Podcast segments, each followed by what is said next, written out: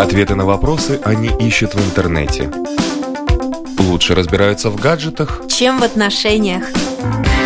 Мечтают работать на себя и не бояться конкуренции.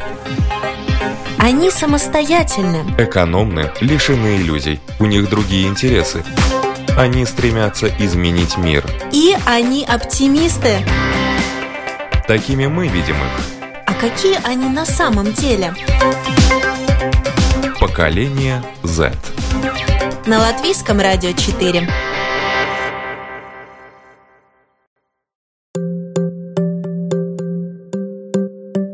Здравствуйте, уважаемые радиослушатели. У микрофона Марина Талапина, за операторским пультом Кристина Делла, музыкальный редактор программы Кристина Золотаренко. И наша программа, как всегда, о мыслях, чаяниях и отношении латвийской молодежи к вещам, которые актуальны для всех, как молодые люди смотрят на мир, что они думают о жизни, что им подвластно, чему они хотят научиться. Мы стараемся поднимать разные темы, узнавать позицию, взгляды молодежи на различные аспекты нашей жизни. И сегодня вопрос нашей передачи звучит так. Чувствуем ли мы себя членами Евросоюза? Я рада представить э, у нас в студии ребята, которые эту тему предложили и поддержали. Кирилл Гончаров. Здравствуйте. Антон Гусев. Добрый день. Алиса Елена. Привет. И Степан Юрыш. Здравствуйте.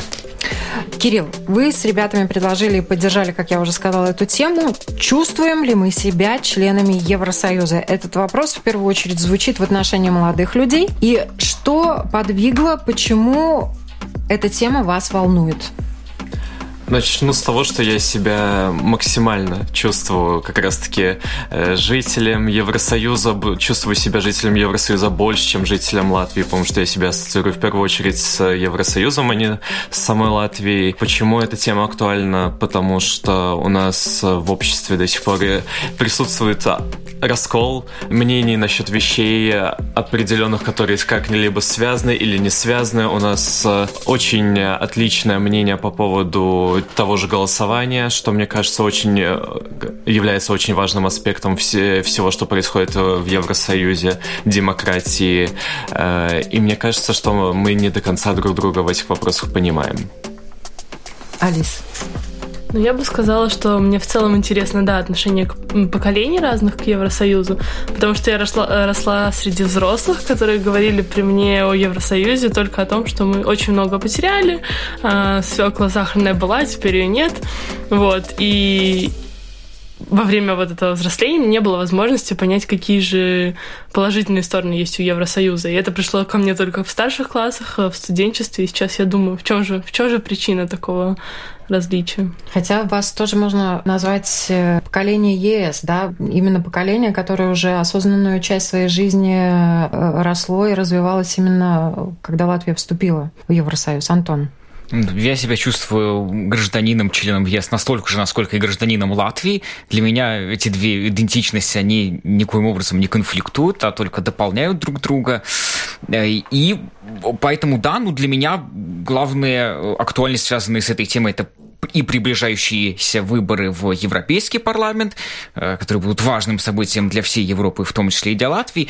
Но, во-первых, конечно, грустно, что многие люди не информированы и вообще, мне складывается впечатление, плохо представляют о том, что такое ЕС, как работают европейские структуры э, и как Латвия взаимодействует с Европейским Союзом, как ЕС влияет на Латвию.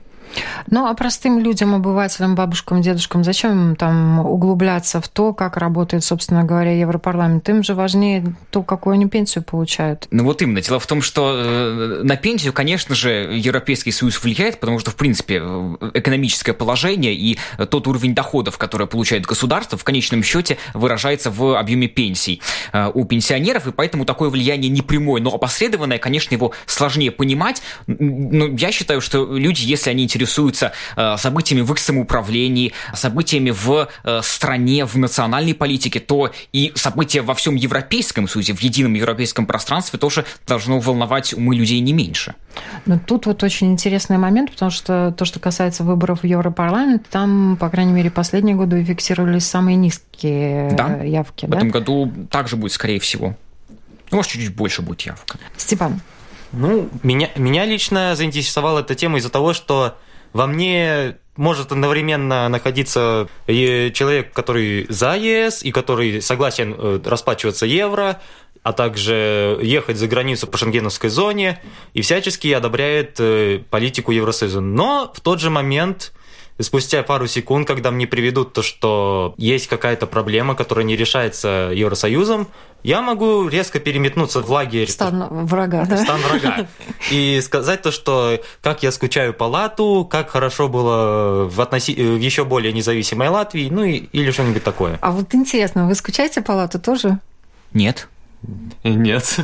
Забыли уже, как латики выглядят? Я Нет, недавно... помним, но не скучаем. У меня целая не коллекция. Я, я себя говорю. Хорошо.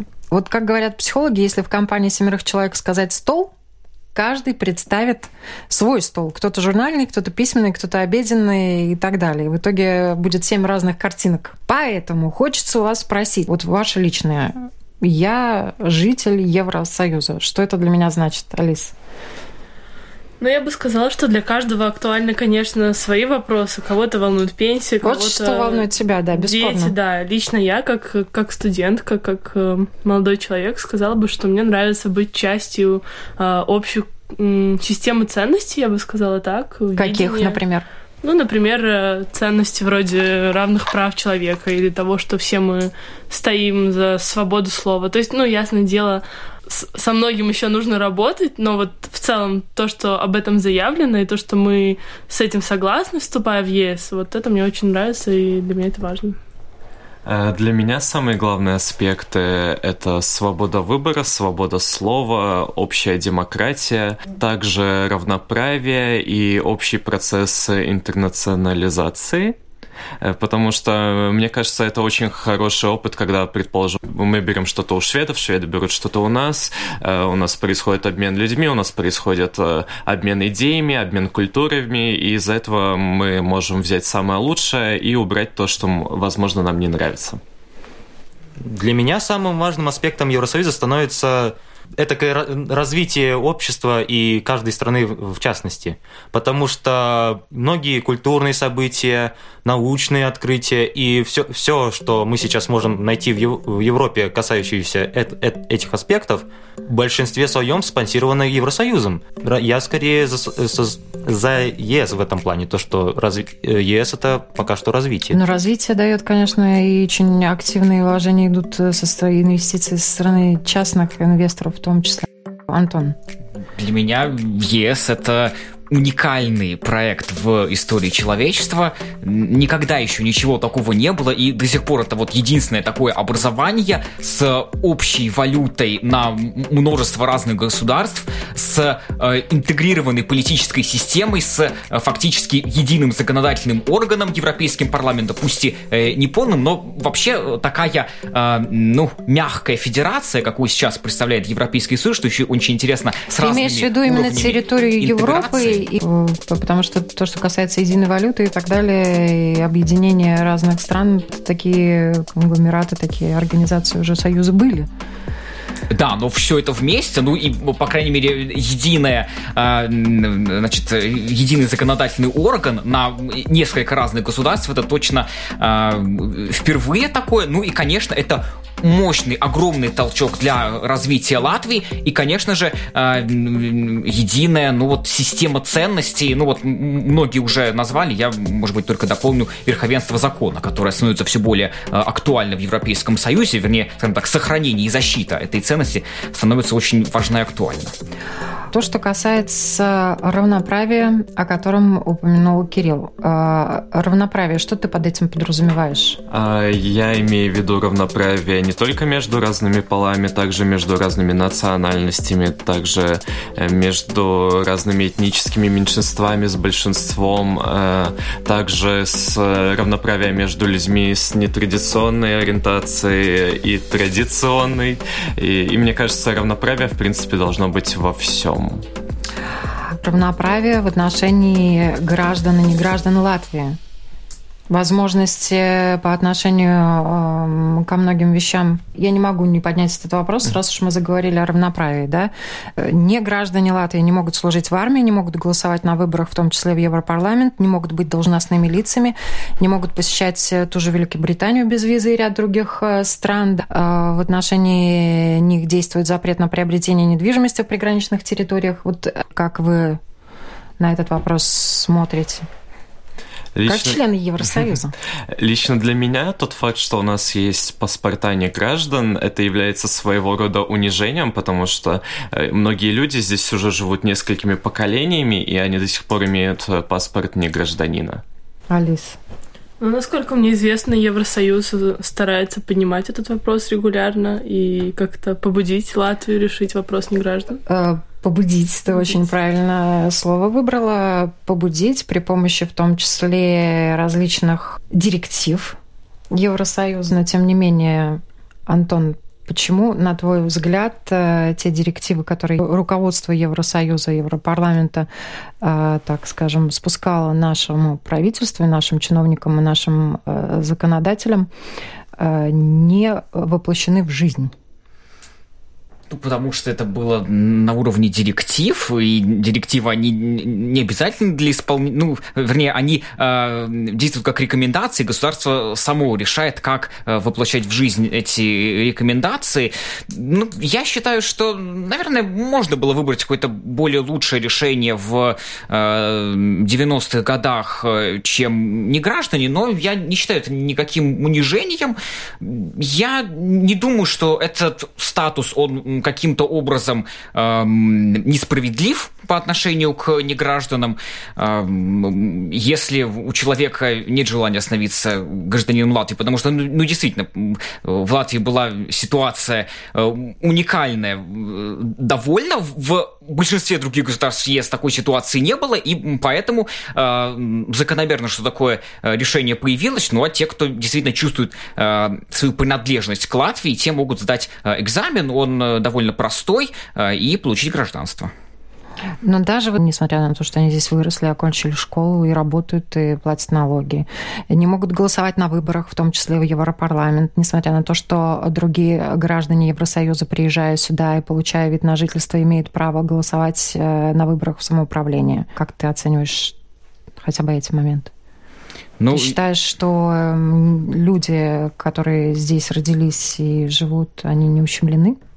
Да, но э, дело в том, что есть некоторые э, обязательные принципы, которые должен э, соблюдать гражданин, э, и э, опять-таки, если он эти принципы соблюдает, как то э, знание языка, знание истории э, своего государства, то тогда он, соответственно, может э, принимать участие в э, социальных процессах. Но опять-таки, та э, иммиграция, которая происходила в, э, во время Советского Союза, она никоим образом не могла контролировать контролироваться из Латвии, а, и поэтому, а, ну, действительно, каким-то образом а, в новом государстве, в, новом ситуа в новой ситуации люди, предки которых до этого не жили на территории Латвии, должны были пройти эту процедуру, либо оставаться негражданами, ну, по там, различным причинам. Но вот что я могу сказать, это то, что давно уже нужно было сделать, что дети неграждан должны автоматически получать гражданство. Законодательства в странах ЕС э, тоже отличаются. Да? Европарламент до сих пор не смог принять единую конституцию для Евросоюза. И примет ли он ее? эту единую конституцию остается на сегодняшний день под большим-большим вопросом. Ну, сообразно Конституции можно считать Лиссабонский договор, так что она фактически принята. До сих пор Конституция Европарламента не принята. Ну, конститу... Это факт. Ну, Европейский Союз это не государство, поэтому у него ну, не может быть своей конституции, ну, официальной. Конечно, может какую-то неофициальную конституцию принять, но Европейский Союз это не единое государство, и поэтому только если в будущем когда-то Евросоюз станет федерацией, то тогда действительно такая конституция нужна будет, хотя мы знаем, что в Великобритании также до сих пор нету конституции. Но так шанс принять эту конституцию не так давно был гораздо большим, чем, например, сейчас. Как вы это оцениваете? Э, с э, началом, скажем так, Брекзита многие страны, а также население их засомневалось в эффективности Евросоюза, так как э, уже скажем так, страна-основатель, Великобритания, усомнилась в необходимости участия в Союзе, и то, что она может э, сама себя обеспечить, то, что она может сама э, договор вести с другими ну, так странами. Многие страны себя обеспечивают сами. Раз уже заговорили о Брекзите, да, 15 января сего года британский парламент отверг договор о выходе из Евросоюза. Вот это может привести отчасти к, остро... к отстрочке Брекзита и даже повторному референдуму э, о членстве Британии в Евросоюзе. Да, вот как вы оцениваете эти события и влияние этих событий, Кирилл?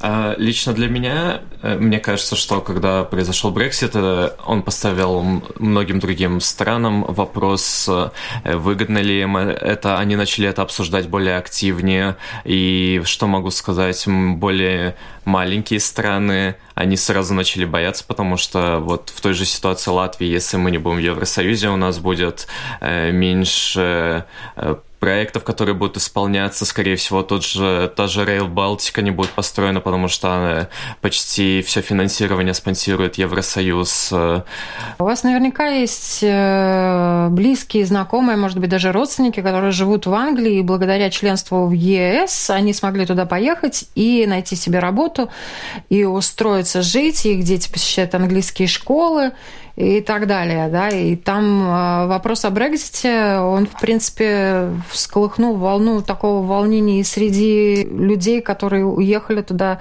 уже на постоянное место жительства. Давайте с человеческой точки зрения посмотрим. Вот Брекзит, э, о чем ты подумала, Алис, когда услышала, что Англия хочет выйти из состава Евросоюза?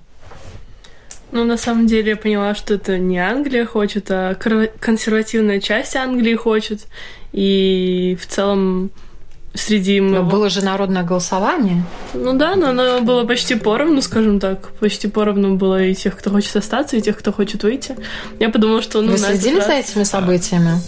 Да. да. Также вообще, если посмотреть статистические данные, то, например, большинство молодых людей не шло голосовать, э, но при этом 70% э, людей до 24 лет были за то, чтобы оставаться в Евросоюзе. Также, э, если посмотреть, то и от региона к региону все отличалось. Более консервативные регионы голосовали за то, чтобы уйти из Евросоюза, более да. либеральные. И то, чтобы голосовали остаться. в основном провинции, да? Да, да, да. Единственное, что у меня, из-за чего у меня началось, лично у меня, Э, когда сказали, что Великобритания выходит из э, Евросоюза, у меня начался страх, что из-за этого моя процедура будущего поступления в э, Шотландию усложнится. И потом еще у меня началась боязнь, что может быть из-за того, что э, Великобритания целиком уходит из Евросоюза, а Шотландия это более евро настроенный регион, что может, нач... может начать, начаться процесс сепари... Сепарация. Сепарации, сепарации. И то, что там могут быть э, боевые волнение. действия, да, волнение. Ну, это вот действительно актуально. Ты пересмотрел вообще место своего поступления? Сейчас ты уже думаешь, ты же в этом году заканчиваешь школу. В следующем, в следующем, в следующем году. В следующем, к счастью. А, то есть у тебя есть время подумать, да, и, возможно, есть... ты изменишь э, пункт своему образованию. Да, да. да. Но, скорее всего, это так и останется. Степан. Если говорить конкретно о моих ощущениях, когда по телевизору показывали, как англичане голосуют, кто за, кто против э, выхода из ЕС, у меня возник, э, как говорится, вопрос. Почему так внезапно? Вроде бы нич- никаких толком проблем не было.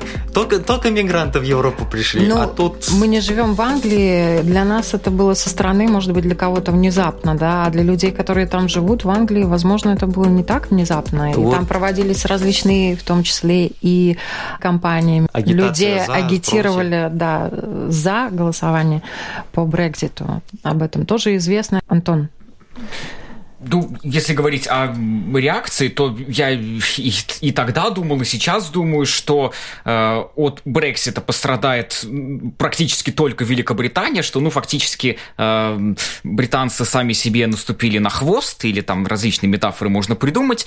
Европейский Союз в любом случае, ну, определенных потерь не понесет, потому что если Британия выйдет из ЕС, то тогда э, процесс различных реформ, изменений может пойти гораздо быстрее, потому что Британия уже давно, уже несколько десятилетий не была заинтересована в каком-либо развитии Европейского Союза, она фактически была заинтересована в таком медленном торможении этого проекта. Э, этому способствовали и консерваторы, и, как их называют, группа поддержки господина Фараджа. Обострились многие проблемы, и, соответственно, те проблемы, которые должен был решать Европейский Союз, которые касаются общей европейской повестки, это безопасность, это миграционные вопросы. Ну, просто Европейский Союз перестал эффективно решать эти проблемы. Ну и Брексит, ну да, сейчас Но возможно... Вот в отношении простых людей надо сказать, что Англия, Ирландия и так далее, те страны, которые приняли наших жителей на работу, да, они, в принципе, Латвию очень выручили, потому что у нас э, была достаточно плачевная ситуация. С одной стороны, экономическая, да, когда народ туда начал уезжать, с другой стороны, если бы не было возможности поехать туда, да, возможно, те люди предприимчивые, которые туда поехали, они бы э, все-таки придумали здесь себе э, какие-то рабочие места, как заработать деньги и поднимали бы нашу экономику. Об этом вы думали вот с такой стороны? По поводу эмиграции? Да, рабочей миграции это очень хорошо, и это определенно правильно, что у людей есть э, способность передвигаться в рамках Европейского Союза, как и куда они э, хотят. Это э, стимулирует конкуренцию внутри Европейского Союза, потому что люди действительно заслуживают э, жить той жизнью, которую они хотят жить. Если они хотят жить в другом государстве, то, э, ну, не сказать, что обязательно государство должно предоставить им такую возможность, но очень желательно, чтобы у них как можно больше было таких возможностей жить в той точке земли, где они хотят. Но э, благодаря вот этой возможности э, несколько сотен тысяч э, жителей Латвии, граждан Латвии покинули нашу страну. Как вы к этому относитесь? Задумывались ли вы об этом? Это же факт. Алис? Ну, с одной стороны, это факт, с другой стороны, я тоже... Это возможность, да, бесспорно, да, это возможность, это возможность поехать сказала, за лучшей что... жизнью. Я бы не сказала, что это хорошая идея запирать людей в одной определенной стране. Бесспорно. История знает Я, я этого случаи. не предлагаю. Вот. И к тому же в Евросоюзе, насколько действует свобода передвижения людей, настолько же есть свобода передвижения капитала, и это всем известный факт, что люди, зарабатывающие за границей, довольно существенные части капитала отправляют также в свои страны страны. Это и в Латвии, и в Польше, и Действительно, если кто-то один поехал от семьи, семья здесь живет, то получается, что деньги, которые они зарабатывают, они тратят здесь, и налоги, соответственно, за те продукты, э, которые они приобретают, идут в казну нашего государства. Кирилл? Э, лично мне кажется, что это не совсем проблема Евросоюза, что из страны уезжают люди. Даже если бы у нас не существовало Евросоюза, то большинство из тех людей, которые так уехали, они все равно уехали бы, просто условия, на... Только у них было бы больше условий, на которых они уезжают, поэтому мы до сих пор видим большое количество мигрантов в США, в Австралии. Вот как вы смотрите на то, что в странах Евросоюза, которые управляются из одной точки, из Брюсселя Европарламентом, ну, конечно, и при помощи своих правительств, а уровень жизни разный. Плюсы и минусы вот того, что в разных странах разный уровень жизни. Ну, лично меня, если бы я находился на такой позиции, то что видел бы, какие проблемы есть вообще в Евросоюзе и в какие в конкретных странах, то я бы конкретно смотрел на, э, на проблемы стран, потому что если э, бить, э, скажем так, молотком по, по всему столу, то он, скорее всего, не, не починится. Вот. И кажд, каждое правительство каждой страны, оно, оно может решать свои местные проблемы, а Евросоюз, он курирует большую часть процесса, но при этом Каждый раз, когда мы смотрим на положение, которое несколько лет назад случалось в той же Греции, кризис большой, ну, которым до сих пор отголоски мы видим. Это тоже положение, которое случается после миграции, Брекзита. Это проблемы как раз-таки не, э, части стран. И поэтому местные правительства, а также население должны участвовать в этом. Мы... Ну, это понятно, все логично. Вот уровень жизни одних э, отличается от других. И если взять 28 стран Евросоюза, да, то есть э, в некоторых странах очень разительные отличия. Есть очень бедные страны и есть очень богатые страны. Что это дает Евросоюзу? А какие плюсы и какие минусы, может быть, в этом? Это вот дает как раз-таки множество различных негативных вещей. Та же иммиграция, что из более бедных стран люди уезжают в более богатые страны. Образование, люди в основном получают образование в более богатых, более развитых странах, потому что лучше университеты, они исторически находятся там, и они получают возможность развиваться э, именно в этих странах. Э, наилучшие умы, но просто зарплаты также более богатых странах, они, понятное дело, выше, там выше уровень жизни, и поэтому люди, которые э, могут себе, ну, они могут выполнять работу такую, чтобы за нее платили высокую зарплату, они, конечно же, едут туда, в более богатые страны. Европейский Союз как раз-таки способствует решению этих проблем с помощью политики кохезии в том числе. Членство ЕС Латвии для уровня жизни в нашей э, стране что дало? Ну, можно начать с того, что, да, как уже было сказано, мы и до Евросоюза были разными странами, верно? То есть, и чтобы вступить в него, нужно было выполнить определенные обязательства. То есть, в каком-то смысле для нас Евросоюз является возможностью вырастить и смотреть, равняться там наших, например, скандинавских соседей. Ну, то есть, это стимулирует нас. В каком-то в этом смысле, плюс. да. Мне кажется, для Латвии членство в ЕС это в основном плюсы, потому что предположим, те же взносы, которые Латвия приносит, они не, не достаточно большие по со соотношению с тем, что э, приходят обратно в страну с разными проектами, с разными, э, с реализацией разных вещей. Предположим, даже если просто зайти в школу, э, на всех кабинетах сейчас биологии, химии, физики э, можно будет увидеть табличку, то, что э, реновация и новое оборудование в этих кабинетах спонсировано проектом Евросоюза. Ну да, это большое дело. Но единственное, что в ближайшем будущем, к сожалению, уровень э, финансирования он снизится. Тут, э, Скорее всего, если произойдет Брексит, но еще бюджет не утвержден, так что тут ни о чем конкретном нельзя говорить. Пока. Но часть э, средств снизится в связи с планами да, тоже. А часть средств просто перейдет, часть средств будет просто по-другому распределяться, если касаемся сельского хозяйства, а часть средств, допустим, с кохезии перейдет на э, инвестиции в науку и инновации. Есть страны Евросоюза, которые отказались переходить на евро сохранили свою валюту, в том числе Швеция и Дания по оценкам специалистов, уровень жизни считается одним из самых высоких в мире. А вот как вы смотрите на этот момент? Ну, надо понимать, что в Дании и в Швеции совершенно различные ситуации. Изначально, когда э, Европейский Союз разрабатывал Мастрихтские соглашения, после которых был введен евро, э, цель была и задание для всех государств, что все государства ЕС должны перейти на евро.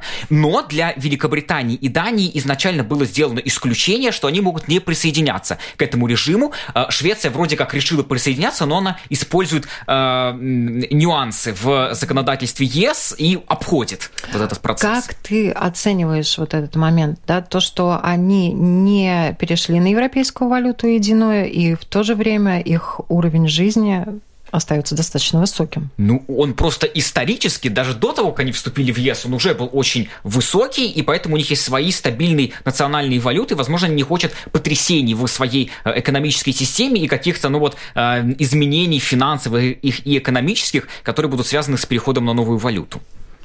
Латы, по которым Степан Я отчаянно скучаю.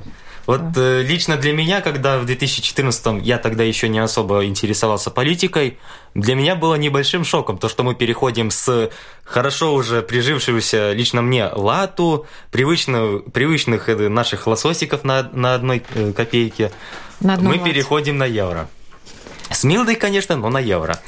Э, как, это у меня сейчас уже сделала такой вопрос. Если бы мы сохран...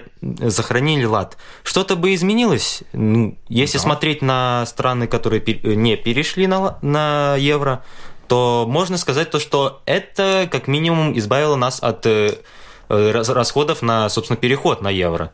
Это во-первых. Затем смотрим то, что у нас часто в Латвии говорят то, что надо национальная индивидуальность. Э, и вот лично мне, как граждан Латвии, э, Лат ассоциировался то, что это часть моей национальной идентичности как гражданина. А, лично я смотрю на это с более туристической точки зрения, потому что, например, если э, кто-нибудь когда-нибудь был в Праге, то они видели эту очень явную картину того, что каждый второй э, магазин-ларек это будет обменник валют, и со, со своими, э, назовем их, наценками, как они... И в итоге они зарабатывают на этом деньги. И также с любой конвертацией они зарабатывают деньги, а так как в Латвии туризм довольно-таки сильно развит, Э, то мне кажется, это сохранение нашего лата было бы достаточно выгодным делом для этого. На наша экономика, экономическая ситуация, это как-то повлияло бы, если бы мы остались с латами? Ну, лат, конечно, был дорогой валютой и был валютой довольно стабильной, а, но присоединение к евро, во-первых, а, увеличило то поле а, взаимодействий и углубило интеграцию Латвии в Европейский Союз. Конечно же, эм, экономическая стабильность, то есть вот эти вот волатильности курса, они, в принципе, стали менее возможны. Также, ну, допустим, финансовый надзор, который теперь в основном осуществляется Европейским Центральным банком и который уже уже, э, ну, часть полномочий, конечно, у национальных центральных банков остаются, но все, э, весь центр э, в Европе, в, во Франкфурте, там находится Центральный банк европейский, и таким образом лучше можно контролировать финансовую ситуацию, это там борьба с отмыванием денег и так далее. Ну, то, что касается банков, банковские потрясения последних лет, возможно, они бы негативно а, отразились на курсе лата, если бы лат сохранялся, да, да тут вот тоже именно. отрицать нельзя. И нельзя упомянуть и одну из таких тоже важных э, проблем последних лет для Евросоюза. Это вопрос беженцев. Вопрос беженцев, который Латвии практически не коснулся, несмотря на то, что мы являемся членами ЕС. Как вы смотрите на этот вопрос? Ну, по поводу беженцев, э, ну, да, во-первых, это очень комплексный вопрос и очень негативно влияет на дискуссии о беженцах то, что э, его э, пытаются упростить. Во-первых, нужно разделить беженцы и мигранты, это совершенно разные группы. Да. Большинство, абсолютное большинство беженцев, во-первых, являются внутренними беженцами, то есть они вынуждены перемещаться в рамках своего государства, то есть либо из-за каких-то природных катастроф, либо если там в какой-то части идет гражданская война, а в другой части Э, уже более стабильной ситуации. Если коснуться именно беженцев э, из Сирии, да, да, когда встал вопрос о том, какая страна, э, сколько человека может принять и так далее, ну, все равно беженцы сюда не побежали. Ну, нет, ну это логично. И старшее поколение, чего скрывать, оно, в принципе, оценило это положительно, да, и э, прием беженцев в Латвии, старшее поколение, оно более консервативно на этот вопрос смотрит, оно э, не очень радовалось тому, что здесь могут появиться лица из других э, стран, э, которых надо будет обеспечивать жильем, питанием и, возможно, работой. Вот как вы, молодое поколение, смотрите на вопрос беженцев и прием беженцев из других стран при нашей экономической ситуации?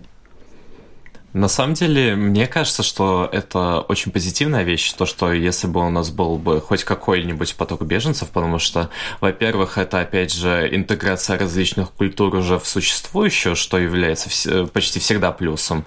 Э, также это со временем больше рабочей силы, которая согласна делать э, многие вещи, которые, предположим, этнические э, латыши или просто латвийцы отказываются делать. То есть работать на работе, которая оплачивается меньше, э, как, например, делают э, латвийцы, которые уезжают из Латвии в ту же Великобританию на работу, которую не согласны делать великобританцы.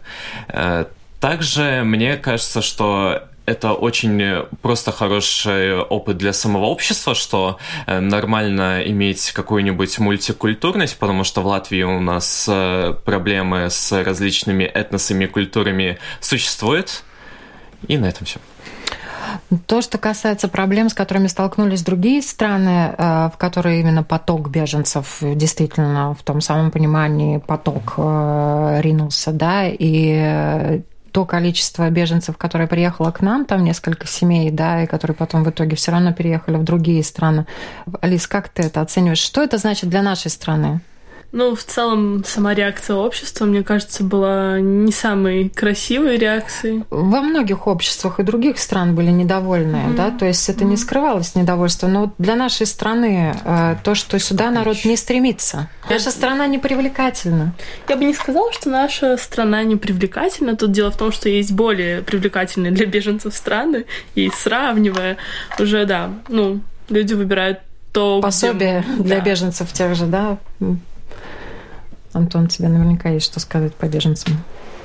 Ну, я на эту ситуацию смотрю так, что ну, единственное, что, конечно, плохо, что Латвия не помогла и недостаточно солидаризировалась с, со своими европейскими партнерами, потому что э, за, те, за ту огромную финансовую помощь, которую более богатые страны Европейского Союза э, у, оказывают Латвии, конечно же, э, Латвия должна была э, им ну, в мере в, в своих сил помочь. В то время, и, кстати, сейчас в Европейском парламенте э, продвигается, э, ну, скажем так, законопроект о э, связи финансирования с приемом беженцев. Система квот, которая тогда была наспех разработана, она, конечно, э, показала свою неэффективность, и сейчас Европейский Союз пытается реформировать систему предоставления убежищ. Как вы оцениваете работу депутатов от Латвии в Европарламенте? У нас э, ребята были в Европарламенте. Ну, хотелось бы хотя бы буквально пару слов ну, я постоянно слежу э, за работой депутатов э, от Латвии в Европейском парламенте вообще за актуальностями Европейского парламента. Ну, я могу сказать, что э, очень хорошо, конечно же, себя проявили Кришьяны Скаринч и Артис Пабрикс. У каждого из них много заслуг. Каринч вообще входит в топ, в топ-10% самых влиятельных депутатов Европейского парламента. Это огромное достижение, но, конечно, такие депутаты, как Ивета Григуле, который, в общем, наверное, видимо, ничем не занимается в Европейском парламенте, а, или там, допустим, а, Андрей Смамыкинс и, в общем, Татьяна Жданок, они в основном занимаются дискредитацией Латвии в Европейском парламенте. Ну, а, с позициями Роберта Зила я в принципе не согласен, поэтому, конечно же, я его плохо оцениваю, но вот Каринч и Пабрикс это, наверное, те депутаты, которые, которыми я больше всего доволен. Доволен, да, но вот то, то объем работы, который они выполняют, и те бонусы для Латвии, которые они могут дать нашей стране. Где перечислить? Ну, Каринч – это прежде всего э, энергетическая независимость Европейского Союза. Пабрикс – это э, укрепление границ Европейского Союза, реформирование мандата э, агентства пограничного Европейского Союза, и также ЦЕТА, договор о свободной торговле с Канадой. Все да. европарламентарии, они очень активно отстаивают так или иначе интересы своих стран в Европарламенте. Да. Да? Вот как вы оцениваете работу наших депутатов в отношении этих вопросов? А, мне кажется, достаточно сложно репрезентировать взгляды своей страны, когда в Европарламенте сидит только 8 человек, которые как раз-таки является... Но, тем не менее, Калинш, он 10% в топ вошел да. самых влиятельных да. депутатов. Ну, я знаю, я знаю, что это так. Но вне зависимости от этого, все равно э, доминирующие страны, и голос будет более услышан, и будет услышан сильнее, нежели э, голоса уч- э, стран-участниц с э, меньшим количеством депутатов внутри. Так, может, не надо и поддержка будет слабее. Это естественно, и это честно, так и должно быть. Ну, я и говорю, что так и есть. Ну, нет, я не считаю, что не надо посылать. Всегда в любом таком Um, Я провоцирую. Конечно, надо. Конечно, надо держать руку на пульсе. Может быть, в следующий раз мы пошлем несколько таких депутатов сильных, которые все 8 войдут в десятку процентов самых влиятельных депутатов. Но если смотреть э, более реалистично, то ну, они работают, видно то, что они стараются, некоторые из них, но, как уже сказали мои коллеги, большинство из них занимается тем, что просиживают штаны. Наша программа подходит к концу. Мы, конечно, пробежались так по верхам, по основным каким-то темам, которые связаны так или иначе с нашим членством в Евросоюзе. Вот хочется вас спросить в заключении нашей программы. Наш главный вопрос э, программы – чувствуем ли мы себя членами Евросоюза? Что мешает чувствовать себя полноценным членом Евросоюза? тебе и, может быть, твоим близким, если ты с ними говоришь на эти темы. И в чем, наоборот, э, дается очень хороший стимул, плюсы вы видите? я могу сказать, что, наверное, мне мешает то, что в обществе, ну, такого масштаба не согласия с этим, возможно. Потому что не знаю, вот постоянно какая-то такая смешливость на эту тему, что ха-ха, Евросоюз, вот серьезно, даже так можно даже на том же Фейсбуке увидеть, что на новости о Евросоюзе люди почему-то реагируют, ну, какими-то шуточками только.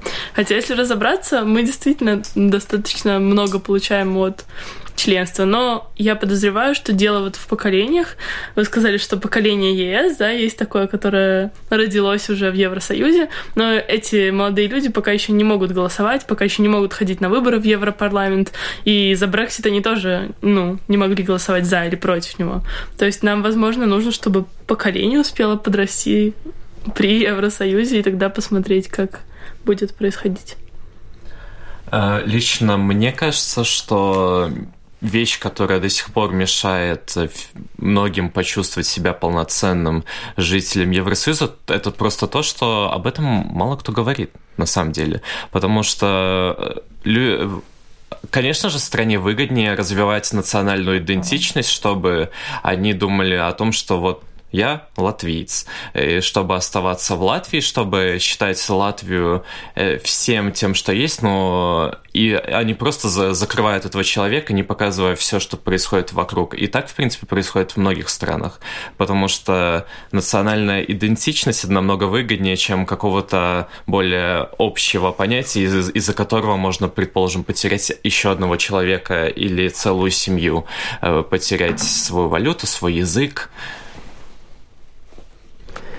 Для меня вот э, ощущение участия в, е- э, в Евросоюзе конкретно это спорный момент, так как надо находить баланс как раз-таки между э, решениями себя, то бишь Латвии самой по себе, и Евросоюза. Для тебя лично, вот ты же получаешь бонусы от того, что ты можешь передвигаться по по Евросоюзу, да, вот сейчас сделали э, там общий роуминг, э, одинаковые платежи, э, мобильные связи, интернет по Евросоюзу, да? Но для меня, это, для меня как человека оседлого более, это не особо касается, так как я могу уехать за границу, но это максимум ограничится Литвой и Эстонией так как я не, не особо люблю путешествовать. Но если смотреть как, как для меня, то я чувствую себя членом ЕС, как минимум из-за из того, что, что нас э, иногда настигают проблемы все, э, всей нашей большой э, компании, скажем так. Те же самые беженцы, по поводу которых мы долго и упорно пытались обсуждать пару лет назад, но в итоге из, нас, из нашей страны они все уехали. Мне ничего не мешает чувствовать себя гражданином, членом ЕС. Я знаю наизусть гимн Европы «Оду к радости» на немецком и на русском. Вот. Но, опять-таки, национальная идентичность, она только дополняет европейскую идентичность. И в нынешней эпохе глобализации, когда э, международные э, связи и взаимная интегрированность стран, когда полная независимость, она просто нереальна. Ну вот полностью независима, не знаю, может быть, Северная Корея, хотя даже она полностью независима, не является независимой от остального мира. И Европейский Союз, как раз-таки объединив еще более вот эти государства, наоборот, может гораздо эффективнее э, развиваться в условиях глобализации. Будущее ЕС. У нас буквально несколько минут остается. Вот э, как вы видите Несмотря на то, что постоянно кто-то хочет выйти, кто-то хочет, наоборот, стремиться в Евросоюз. Вот вы, в конце концов, будущие, я не исключаю, что вы среди нас, может быть, уже лидеры Евросоюза. Ну, прогноз это или не прогноз, мне бы хотелось, чтобы страны и те, что против, помнили, из чего вообще взялся Евросоюз, что изначально это была попытка все-таки мирно сосуществовать стран, и важно понимать, что есть такие вещи, которых мы в одиночку не сделаем. Очень здорово, конечно, поднимать эту национальную идею, да, что вот нам одним лучше, но мы одни не поборем там, например, проблемы климата или не разберемся с людьми, которые вынуждены покидать свою страну из-за войны. Ну, то есть есть проблемы, которые мы можем решить вместе, и нужно это в первую очередь помнить. Лично я надеюсь, что в ближайшее время Евросоюз сам станет еще более крепким, чем он есть сейчас. Э, не уверен, хочу ли я, чтобы у нас э, ряды Евросоюза пополнились другими странами, потому что нынешние кандидаты не все самые благополучные кандидаты для вступления. Э, и надеюсь, что мы будем более интегрированы с разных сторон, мы будем больше, как говорится, на связи с другими людьми, людьми, и, и то, что мы будем себя чувствовать более свободно в общем. Я думаю, то, что Евросоюз э, будет делиться э, через пять лет где-то на две позиции. Не развалился? Хорошо. Развалился потихонечку? Ну, печально, что сказать.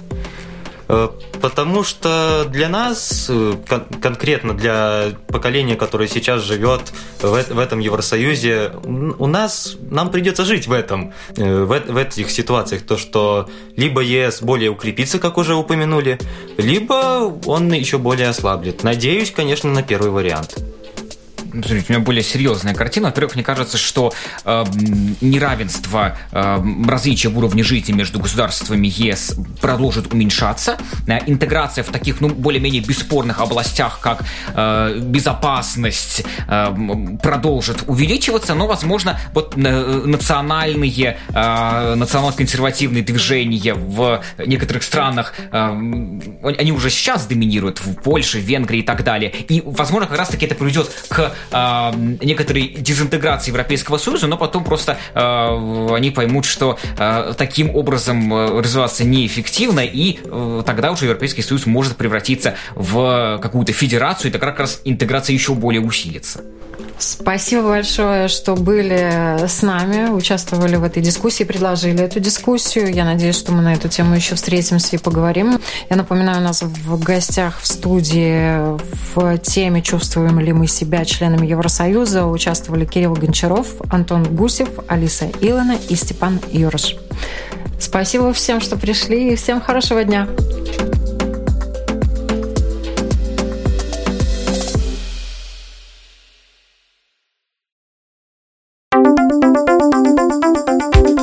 Ответы на вопросы они ищут в интернете.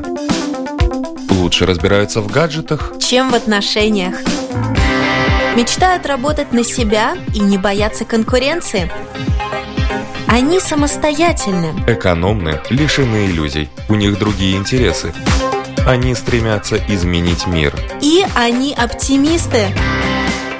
Такими мы видим их. А какие они на самом деле? Поколение Z. На латвийском радио 4.